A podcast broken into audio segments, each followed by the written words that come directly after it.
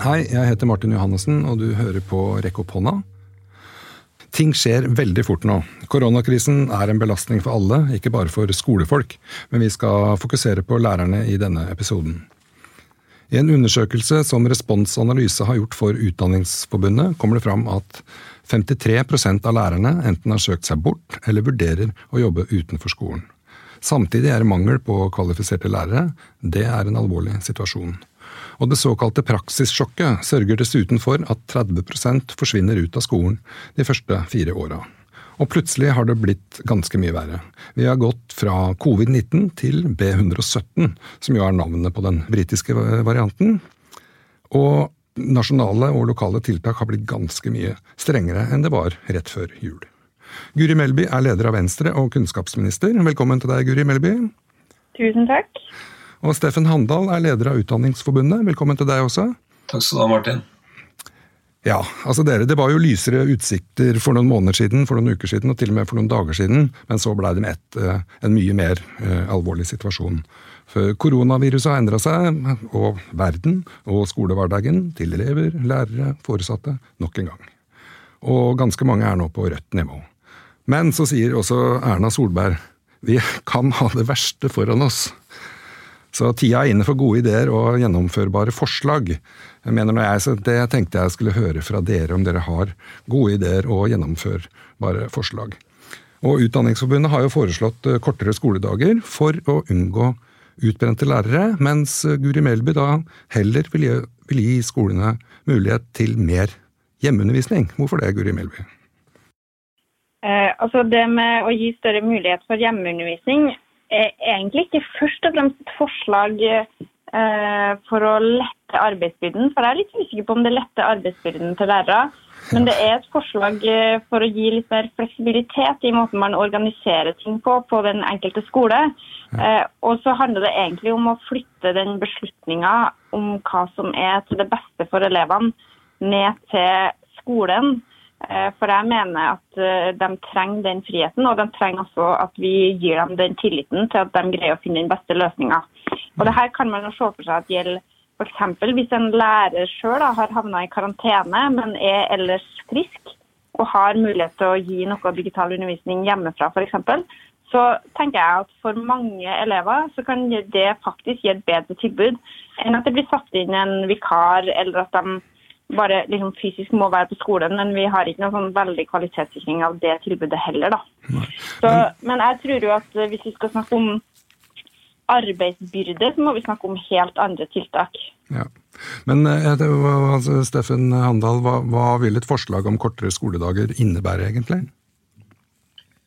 Vi har jo egentlig kanskje ikke foreslått det, men det som er litt av eh, poenget vårt, er at uh, det virker som det er en eh, noe usnakket om det som foregår nå. Og det er at eh, man eh, forsøker jo fra regjeringens side å bevilge nok penger.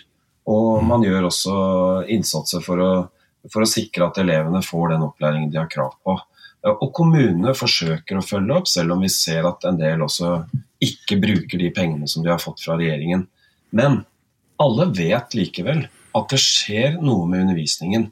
Eh, den er ikke som vanlig, ordinær undervisning. man kan kanskje til og med snakke om at her er det et kvalitetstap som ingen snakker om. Og det som kan være farlig, det er hvis den uløste regningen her, at den tas ved at lærerne sliter seg helt ut. Og det er det jeg er engstelig for. Og jeg ble ganske skremt da jeg så at over halvparten av de spurte i vår undersøkelse sa at de vurderte å slutte i yrket. Eh, nå er den undersøkelsen gjort over ikke bare koronaperioden, men også før det. Eh, og mm. Derfor er det liksom Hva skal vi gjøre med dette, da? Vi må snakke om det. Eh, for det er, det er noe grenseløst i læreryrket. Det er ikke mm. sånn som andre steder at du kan stille folk i kø. Elevene kommer. De skal ha undervisningen sin. De skal ha spesialundervisningen sin. Og vi er nødt til å levere og levere og levere. Og hvis ikke vi kan nå tenker kreativt om, om, andre måter å gjøre dette på, så jeg er redd for at eh, skolen noen steder kan bryte sammen. Ja, Hva tenker du om det, Melby? Nei, altså jeg eh, ser jo veldig alvoret i den situasjonen vi står i. Eh, jeg syns jo den undersøkelsen som Utdanningsforbundet har fått gjennomført, gir oss eh, mange grunner til bekymring. Og jeg har jo også bedt om et møte med dem og KS om det. Jeg håper invitasjonen har kommet, Steffen. For jeg tror det er litt viktig at vi setter oss sammen, da. Vi som er de nasjonale myndighetene, men at vi også har med oss kommunene som er arbeidsgivere her. Eh, og at vi setter oss sammen da, med eh, lærerne sjøl og diskuterer hva som kan være mulige tiltak. Og så er det vel noe av det her som også da Steffen sier, som handler om akkurat her og nå og den veldig vanskelige koronasituasjonen. Mm. Og så er det noe som handler om andre ting også, som har vært der over lengre tid. F.eks. hvordan vi greier å ta vare på de nyutdanna lærerne, hvordan vi tar imot dem. Eh, hvordan vi eh, sørger for å lage arbeidsdager for lærerne som som gjør det både interessant og overkommelig da, å gjøre de oppgavene de skal gjøre. Eh, hvordan vi sørger for å gi det faglige påfyllet som gjør at f.eks. nye ting ikke oppleves som en ekstra byrde, men noe positivt. Jeg tenker at dette er veldig sammensatt, og vi må greie å skille litt det som er de litt sånn store, langsiktige utfordringene, med det som er det litt sånn akutte koronarelaterte. da. Mm. Jeg, jeg syns at det Guri Melby har gjort de siste dagene med å foreslå å åpne opp for litt mer lokal fleksibilitet, det er kjempeklokt. Det er veldig nødvendig. Og det kan faktisk bidra til at enkelte elever får et bedre tilbud enn de ville fått hvis man ikke kunne f.eks. bruke litt mer hjemmeundervisning for noen. Og, og, det er jo det interessante. Det, den, den, diskusjonen som føres i offentligheten nå, handler jo liksom om nesten om hjemmeskole er, er like bra som ordinær undervisning. Det er jo ikke mm. det diskusjonen handler om. Diskusjonen handler om hvis man har muligheten til litt mer hjemmeundervisning, kan det være bedre enn alternativet, som faktisk vil være at en ukvalifisert lærer står der, at en lærer som ikke kjenner elevene eller i det hele tatt, eller har forutsetninger for å drive undervisningen godt, at det er den som overtar, eller at det ikke er en lærer der i det hele tatt. Ja. Og Det er det som er realiteten, og det er den diskusjonen vi må føre. Og Rettighetene til elevene er kjempeviktige her. Men det kan hende at fordi vi er i en situasjon med pandemien I Danmark snakker de om nødskole. Mm. Kanskje vi burde snakke om det her hjemme òg.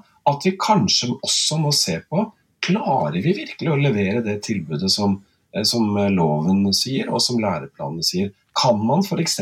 drive eh, god kroppsøvning, eh, kroppsøvingsopplæring eh, digitalt over lang tid? det syns jeg ikke står besvart i dag, og det er et problem som vi må snakke mer om i tiden som kommer. Ja, bare skyte inn det med kroppsøvning. altså Vår kroppsøvningslærer på ungdomstrinnet eh, valgte å ha de timene i kroppsøvning på nett nå. Og det har faktisk gått yeah. eh, ganske bra. Jeg sier ikke at det er bra for alle, men eh, for han så funka det veldig bra. Men jeg, også, jeg, har jo også spurt noen lærere i Facebook-gruppa Status lærer om de vurderer å bytte jobb når denne nyheten om at lærere slutter i, jobben, kom. Jeg har ikke noe, på en måte laga noe statistikk, men det er liksom bare å fastslå at det er delte meninger. Eh, men ganske mange av de sier at de vil slutte, eller tenker på å slutte. Mens andre igjen er jo ganske takknemlige for å faktisk ha en jobb i en sånn tid som vi har nå. Ikke sant? Når butikker stenger, eh, serveringsbransjen går eh, nedover, konsertbransjen går bort, hele kulturfeltet lider jo og blør. Eh, så, og da har du den tredje varianten, som syns da at de lærerne som vurderer å slutte, at de egentlig er, bare syter. Ikke sant? Ja. ja. Altså, de, de, som betaler den største prisen her, eh, det er jo de som har mistet jobben, eller som av andre grunner er i en veldig sårbar situasjon, ja. og deres familier. Mm. Så det er, det er, jo ikke noe forsøk på å, å liksom underminere det. Nei. Tvert imot så bør det være og jeg syns regjeringen gjør veldig mye nettopp for å støtte dem.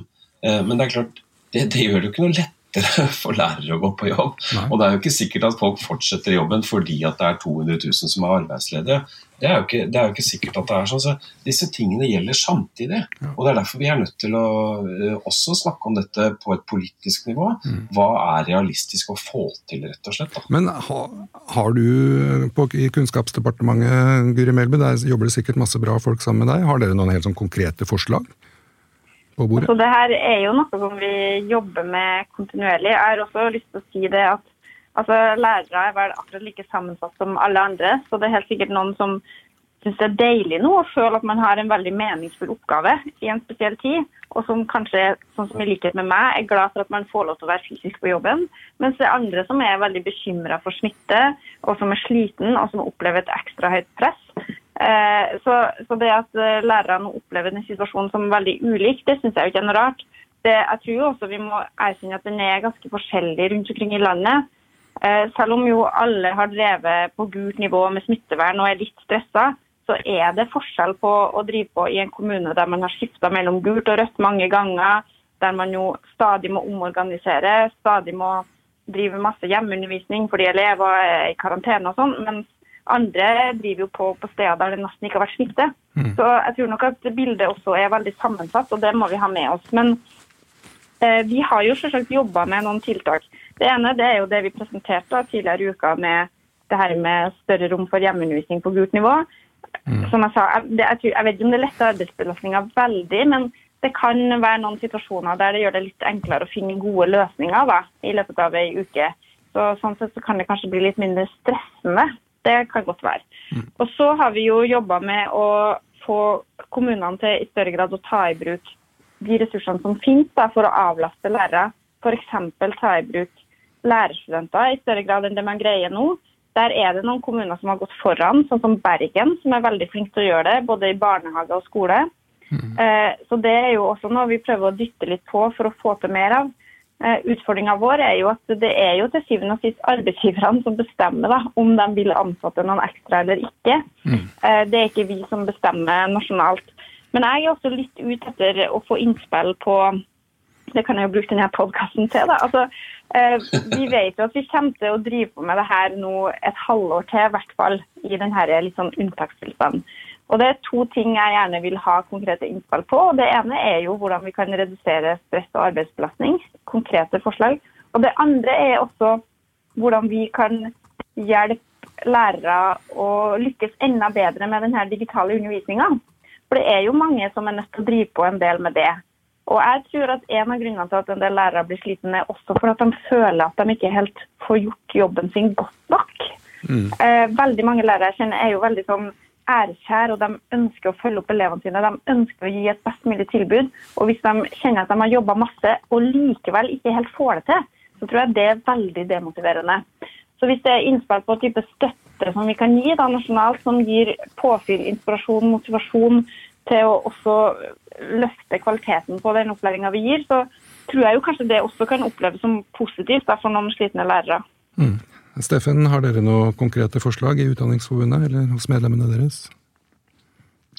Ja, og jeg, jeg tror uh, Guri Melby har rett i at uh, utfordringene er veldig ulike. Det fins lærere i dette landet som står i en nesten tilnærmet normal posisjon. Uh, og, og, underviser egentlig ganske mye som de pleier å gjøre. Mens vi i Oslo har en helt annen situasjon. og Derfor bør en del av disse utfordringene nettopp løses lokalt.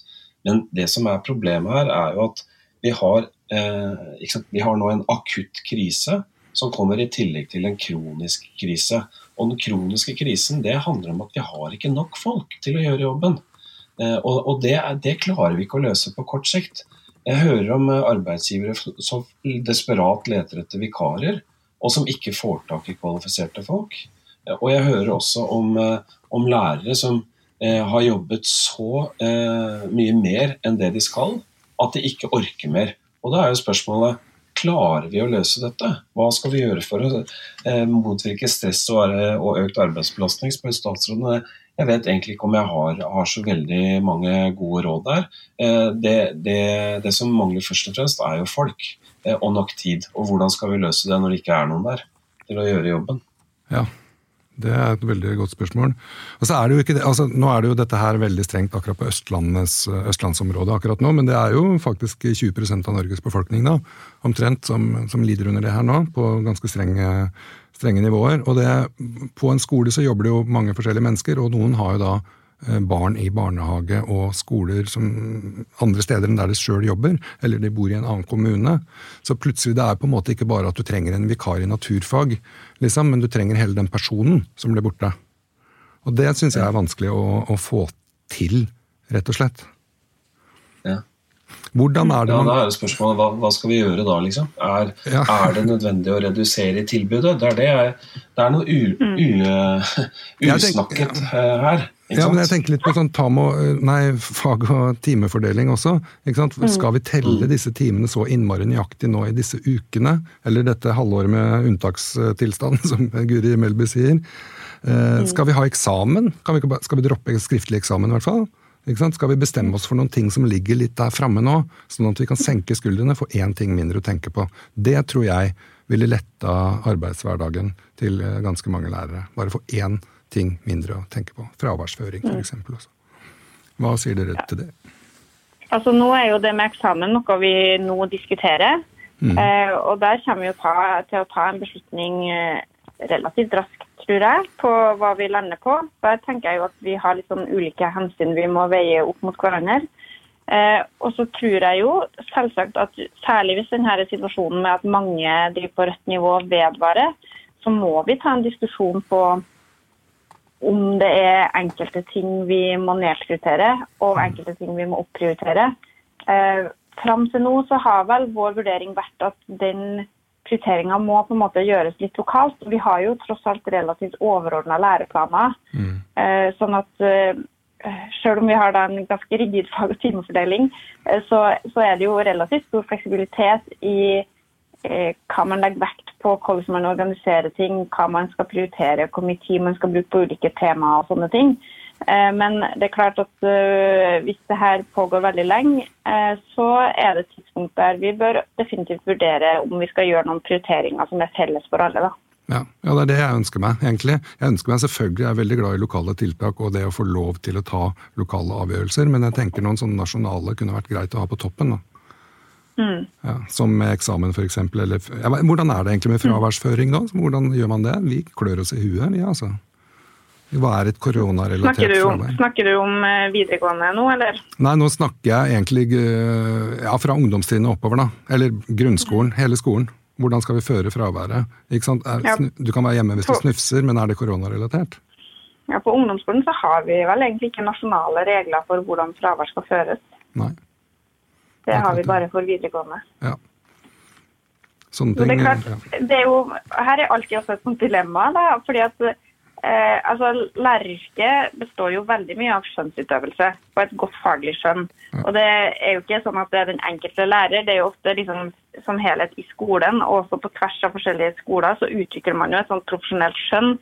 Og Min holdning sånn, helt i bunn er jo at jeg ønsker jo at det som kan overlates til det faglige skjønnet, faktisk skal gjøre det. Det er liksom min innfallsvinkel til utdanningspolitikk generelt. At jeg har stor tro på at det er lærere, rektorer, de andre fagfolkene i skolen som eh, både kjenner elevene og som har den profesjonskunnskapen til å kunne gjøre de her gode avveiningene. Da. Eh, Men det er klart, eh, og jeg opplever jo at det er litt, her er man kanskje litt tostemt. da, At mange lærere er kjempeglade for den eh, friheten og tilliten, mens andre ønsker litt mer eh, styring. Og jeg kan jo forstå at man føler på et veldig ansvar kanskje for å ta en del tøffe prioriteringer som man ellers ikke gjør. Eh, og at det kan eh, Hvis ikke man kjenner at man er del av et kollegium som tar disse avgjørelsene sammen, så blir det kanskje en litt for tung byrde å bære. Men det er jo litt interessant å få tilbakemeldinger på. Mm. Men hva sier Utdanningsforbundet si- om eksamen, bare? Så kan du si det du skal si. Nei, Først eksamen, det er et veldig vanskelig, ja, det er et veldig vanskelig spørsmål. og Her er det ulike interesser som står opp mot hverandre. og Vi kommer til å ha et nyansert uh, syn på det. Det skal vi presentere for statsråden senere i dag. og Vi kommer til å ta en beslutning i sentralstyret i løpet av veldig kort tid. Og Jeg tror ikke vi skal avlyse alle eksamene. Noen eksamener bør vi opprettholde. Men det som statsråden sier nå, syns jeg er veldig interessant. og Hun har helt rett i at uh, hun peker på det profesjonelle skjønnet og verner om det. Og, og det, det bør vi gjøre mer av framover. Og det er også sånn at noe av dette handler faktisk om å ta det ansvaret. Men det, det er også andre ting. Altså det, eh, det dreier seg også om et politisk ansvar her. Og hvordan skal disse tingene veies opp mot hverandre, særlig i en situasjon når elevenes rettigheter står på spill. Det syns jeg er spennende. Og jeg har også lyst til å takke Guri Melby for én ting. Og det er fordi hun også snakker om det vi gjør i skoler og barnehager som faglige vurderinger. Mens vi får inntrykk av av og til i pressen at de som kommer med faglige innvendinger, det er FHI, Barneombudet, Helsedirektoratet. Og så er det lærerne. De er liksom mest opptatt av seg selv og arbeidsbelastningen og punktum med det. Eh, sånn er det ikke. Vi har faktisk en faglig kompetanse til å sette intensjoner og politiske ønsker ut i livet i hverdagen. Det er en faglighet som bør lyttes mer til, særlig i krisetid. Og der syns jeg at eh, statsråden skal få, få ros for akkurat det. Hva ser du til å få ros fra Utdanningsforbundet? Det, er hyggelig. Ja, det, det, er hyggelig, for jeg vet også at det kan være kritisk, så da er det en veldig troverdig ros. ikke sånn det er også når man skal gi tilbakemeldinger, at det, det, er litt mer troverdig da. Men jeg, jeg syns det er et kjempegodt poeng som Steffen har. Jeg òg undra meg veldig at uh, jeg fikk beskrivelsen av at nå går vi mot alle ekspertene når vi skal innføre det her med gult nivå, mens jeg mener det er vel ca. 100 000 eksperter rundt omkring i Skole-Norge som syns det her var helt greit. Eh, så hvem som er fageksperter på skole, det, det syns jeg i hvert fall at eh, vi trenger å løfte fram at eh, fagfolka i skolen har betydelig kompetanse på hva som skal til for å greie å gjennomføre eh, gode læringssituasjoner, legge opp til gode pedagogiske eh, opplegg og følge opp den enkelte elev. Og så er det andre som er eksperter på, på helse og sånne ting, men eh, det er tross alt lærerne som er eksperter på pedagogikk. Akkurat sånn er det, Guri Melby. Nå ser jeg at tida renner litt fra oss, og dere skal sikkert ut i nye møter og bestemme dere for hva dere skal si om eksamen og sånt. Nettopp. Nettopp. Og, og, andre ting. Så jeg sier tusen takk til Guri Melby og Steffen Handal for at dere kom og slo an prat i en travel hverdag om en meget alvorlig situasjon. Så håper jeg virkelig at vi finner gode tiltak, og at vi enes om noe som er bra for elevene våre i nær framtid. Tusen takk for at jeg fikk være med. Takk for å være med.